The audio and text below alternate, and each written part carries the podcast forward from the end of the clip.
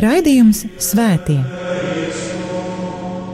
Katrā laikmetā ir dzīvojuši daudz svētie, un katrai paudzei tie ir un paliek kā dzīvās ticības liecinieki. Mocekļi, apliecinātāji, vīri un sievas, jaunieši un bērni. Svētie ir tik dažādi, gluži kā mēs, bet ir kāda īpašība, kura visus svētos vieno. Viņi mīlēja, mīlēja Dievu un cilvēkus. Raidījums par svētījumiem ir stāstījums par Dieva mīlestības reālo klātbūtni mūsu dzīvē. Santa Trinitas unos Deus, miserere Patris, Santa Maria,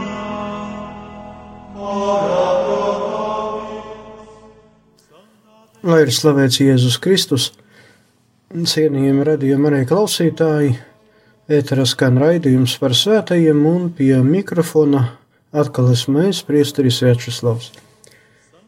Šai raidījumā, turpinot mūsu kopīgās satikšanās ar svētajiem, gribu jums piedāvāt satikties ar diviem svētajiem, kuriem šķiet nekā kopīgā nav. Viens ir pareizticīgo baznīcas bērns, otrs katoliskās. Viens dzīvoja 18. un 19. gadsimta mijā, bet otrs 13. gadsimta beigās. Vīrietis un sieviete, karaliene un vienkāršs mūks. Šodien satiksimies ar Svēto Kingu karalieni un Svēto Viritskas serafimu mūku. l'été de corps. Quemensium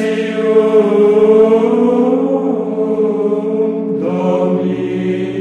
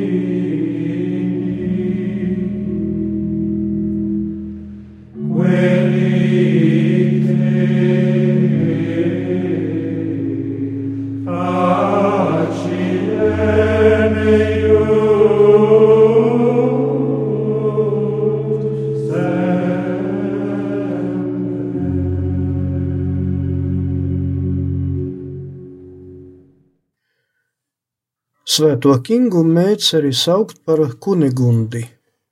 Viņa ir Belī IV. Igaunijas karaļa meita.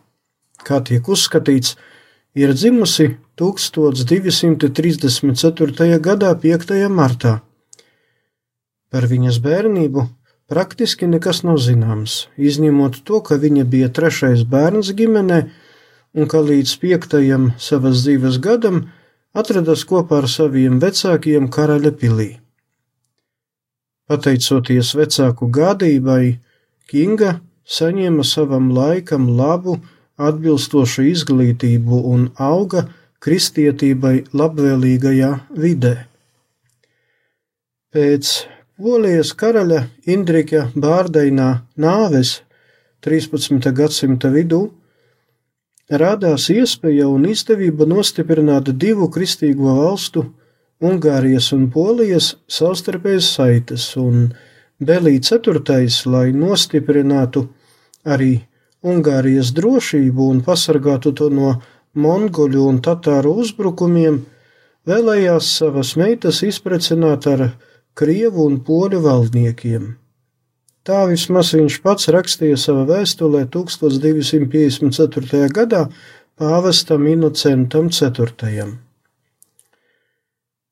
1239. gadā Kinga iepazinās ar Boļislavu Kautrīgo, vēl nepilngadīgā toreizējā Krakova valdnieku.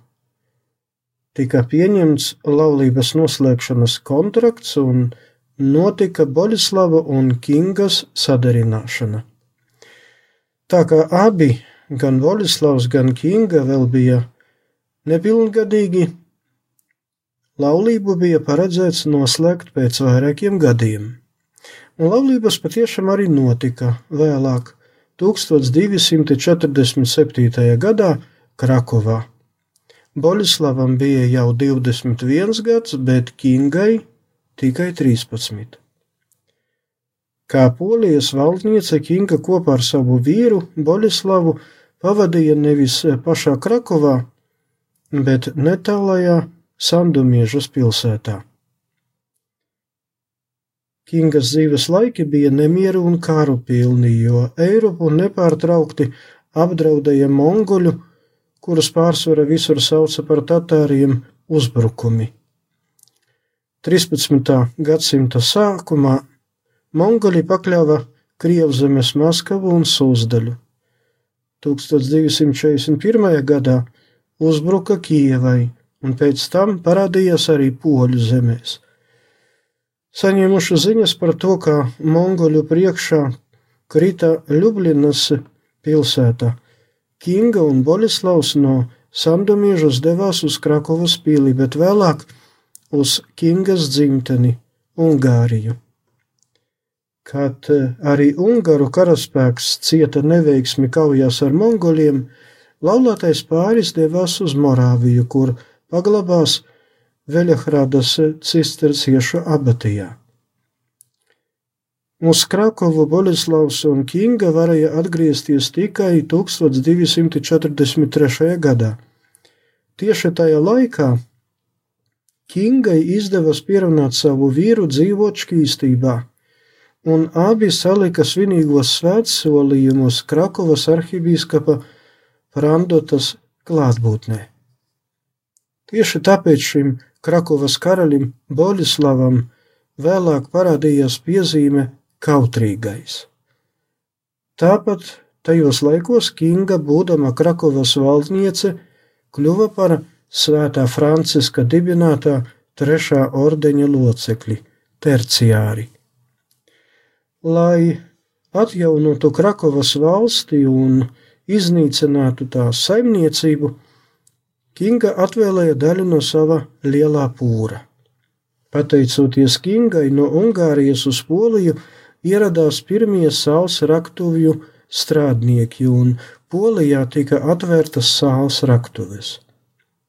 Vispār Kinga bija ļoti aktīva valsts pārvaldē un daudz ko palīdzēja savam vīram Boļislavam V. kautrīgajam. Svētā Kinga dāsni atbalstīja baznīcu un klosteru celtniecību. 1249. gadā, 7. decembrī, Krakovā nomira Kingas vīrs Boļislavs Kautrīgais. Svētā Kinga nolēma doties uz 100 km attālo Novisonču pilsētu, kurā 1280. gadā Kinga nodibināja māsu Klarisu klosteri.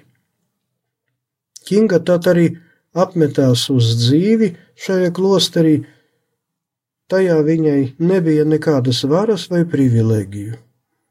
Mūžīgos svētsolījumus Kinga salika 1289. gada 24. aprīlī, un salikusi svētsolījumus viņai vairs nekas nepiederēja no materiālajiem labumiem, jo to stingri aizliedza franciskaņu regula.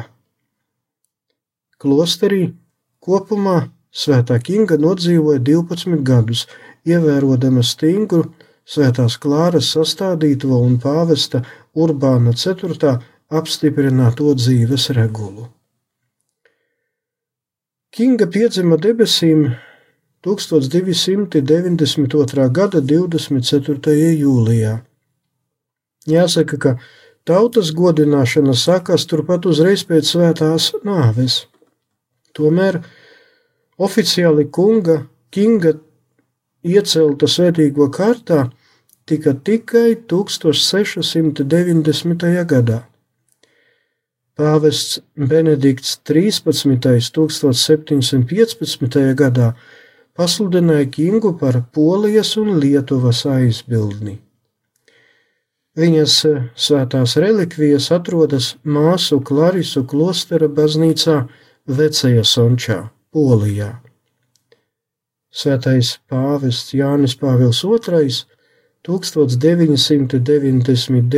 gada 16. jūnijā iecēla Kingu svēto kārtā.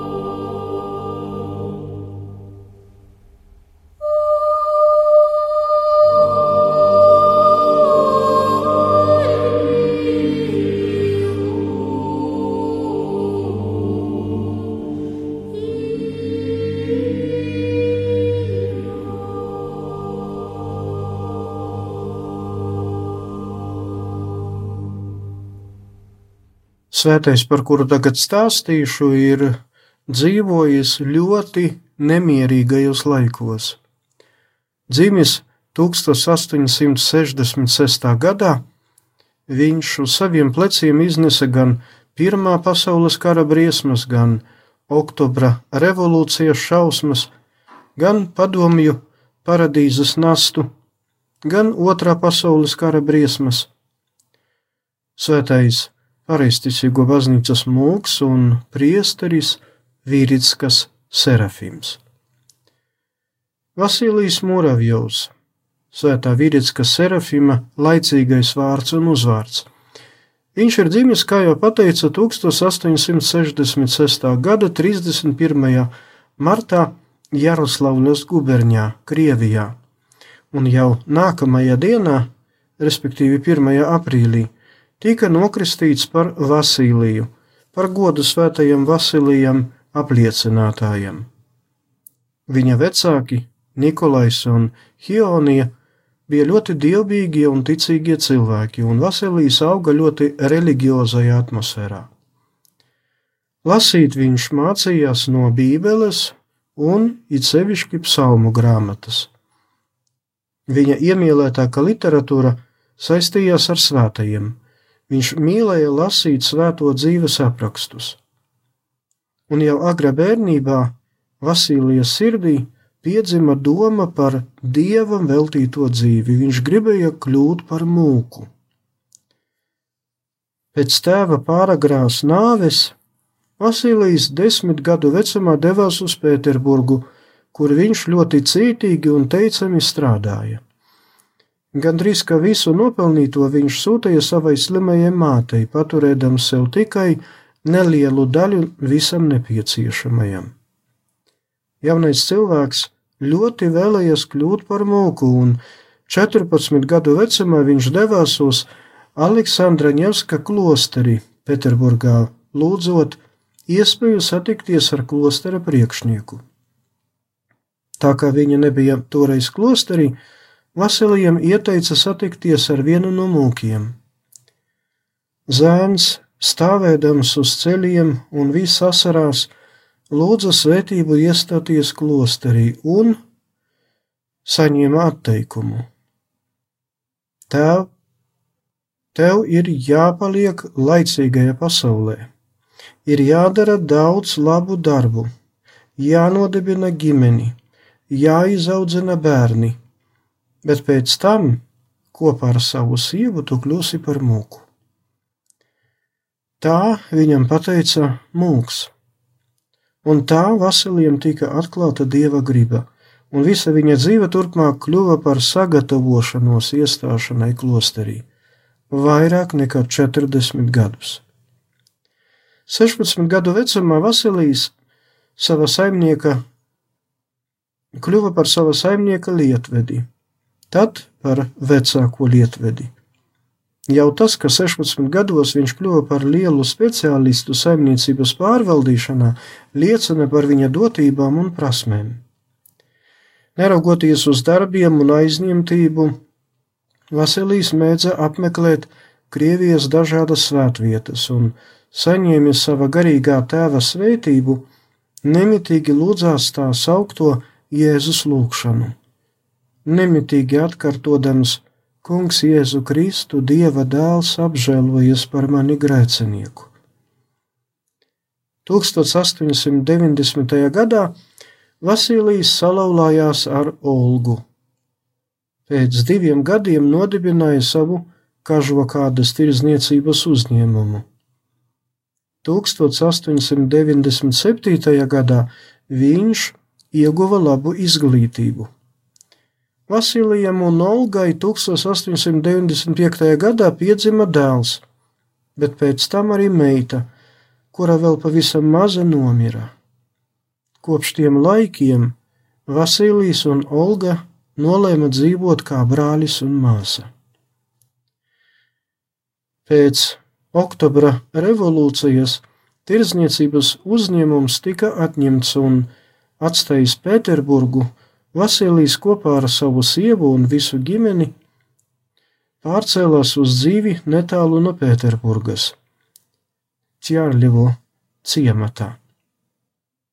1990. gada 13. septembrī Vasilijs uzrakstīja lūgumu Aleksandra Ņevska klostera priekšniekam uzņemt viņu klosterī.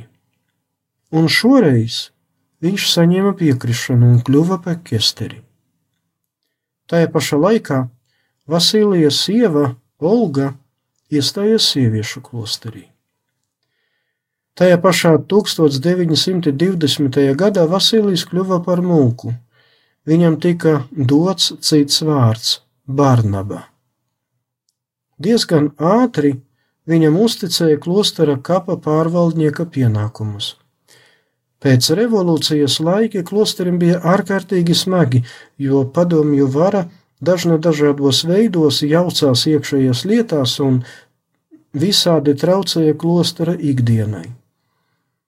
1921. gadā 11. septembrī Mūks Barnaba tika iesvētīts par priesteri un kopā ar priesterības žēlastību nāca klāt arī klostera saimniecības, pārvaldīšanas un ar to saistītie pienākumi. Klosterim draudēja gan ārēji naidīgie spēki, padomju varas izvērstās represijas, un neviens no klostera iemītniekiem piecelies no rīta un dodoties uz dievkalpojumiem un darbiem, nezināja, vai vakarā atnāks dzīves un vesels atpakaļ uz savu celi. Bet parādījās arī iekšējā rakstura problēmas, jo starp brāļiem izvērsa savu darbību bolševiku atbalstītie un varai lojālie garīdznieki. Ar dievmātes visu svēto un bez šaubām paša Kristus žēlastību un aizbildniecību ar lūgšanām un gavēšanu izdevās saglabāt gan pašu klosteri, gan iekšējo stabilitāti tajā. Ap 1926. gadu tēvs Barnaba sāka gatavoties pildīt ļoti īpašu pienākumu - būt par garīgo tēvu, krieviski staricu. Iesākot šo pienākumu, viņam tika dots cits vārds - Serafims. Pie viņa nāca pēc padoma un atbalsta gan garīdznieki, gan vienkāršie cilvēki, visiem viņš spēja dot gan padomu, gan uzmundrinājumu. Trīs gadus tēvs Serafims pildīja klostera garīgā tēva pienākumus. Klostera dievnami un Daudzas telpas ziemas periodā praktiski netika apkurinātas, un ar laiku tēvs Serafims smagi saslima. Pienāca arī diena, kad viņš vairs nespēja piecelties no gultas. Slimība bija tik tālu sāsinājusies, ka tēvs Serafims no Pēterburgas Aleksandra Nevska klostera 1930. gadā vasarā bija spiests izbraukt uz Vīricu. Uz turieni devās arī mūkiene Serafīma, kādreizēja Vasilija sieva, un arī 12-gadīgā Margarita, viņu mazmeita. Viņa arī jau bija iesākusi dzīvi klosterī. Tagad viņu abu kalpošana saistījās ar rūpēm par saslimošo tēvu Serafīmu. Pavisam drīz gan pašā Pēterburgā, gan visā Krievijā iesākās represijas pret garīdzniecību. 1932. gada 18. februāra nakts kļuva par Getsemanes nakti vairāk nekā 500 garīdzniekiem. No 495 baznīcām, kas bija Pēterburgā, Uz 1933. gadu palika tikai 61 baznīca. Klosteri un baznīcas tika izdemolēti, apzakti un apgānīti. Pat zvanīt ar dievnamu zvaniem bija aizliegts. Un tieši šajā laikā, kad lauza baznīcu kupolu krustus, apgānīja svētvietas un klosterus, kad Lēgeros tika ieslodzīti tūkstošiem garīdznieku, Dievs deva savai baznīcai sirdskrīsto un svēto serafīmu no Viricas. Pie ārstiem pēc pārbraukšanas uz Viricu tēvs serafīms vairs negriezās. Visam ir dieva griba. Slimība tā ir pazemības un paklausības skola, kurā patiešām tu atklāji savu nevarību, viņš teica. Un atkal pie tēva Serafima sākumā brauca tikai ne, nedaudzie garīdznieki, bet ar laiku sāka nākt dažādi cilvēki. Cilvēku upe nepārtraukti tecēja pie Serafima celles durvīm lūkšana, stingra gavēšana, gandarīšanas darbi. Sākot ar 1935. gadu, parādījās liecības par Vīritskas serafīma lūkšanām uz akmens. Sekojot sava debesu aizbildņa Sarofas serafīma piemēram, arī Vīritskas serafīms uzņēmās šādas lūkšanas varonu darbu. Ir zināms, ka nec baznīca, nec nami Virickā netika nopostīti pasaules otrā kara laikā. Tēvs Serafims lūdzās gan par pašu pilsētiņu, gan par visiem tās iedzīvotājiem. Svētais Serafims piedzima debesīm 1949. gadā 3. aprīlī un tika kanonizēts kopā ar daudziem jaunlaiku Krievijas mocekļiem un ticības varoņiem 2000. gadā, augusta mēnesī. Lūksimies! Kungs Dievs, sūti pār mums visiem caur svēto aizbildniecību savu palīdzību, lai mēs, kas pieminam viņu dzīvi un ticības darbus, līdz ar viņiem varētu priecāties tavā mūžīgajā debesu valstībā. To lūdzam no tevis, kas dzīvo un valdi mūžu mūžos. Āmen! Liels paldies par uzmanību, lai ir slavēts Jēzus Kristus! Raidījums Svētie! Katrā laikmetā ir dzīvojuši daudz svētie, un katrai paudzei tie ir un paliek kā dzīvās ticības liecinieki. Mocekļi, apliecinātāji, vīri un sievas, jaunieši un bērni. Svētie ir tik dažādi, gluži kā mēs, bet ir kāda īpašība, kura visus svētos vieno. Viņi mīlēja, mīlēja Dievu un cilvēkus. Miserere. Raidījums par svētījumiem ir stāstījums par Dieva mīlestības reālo klātbūtni mūsu dzīvē. Santa Trinitas unos Deus, miserere Santa Maria, ora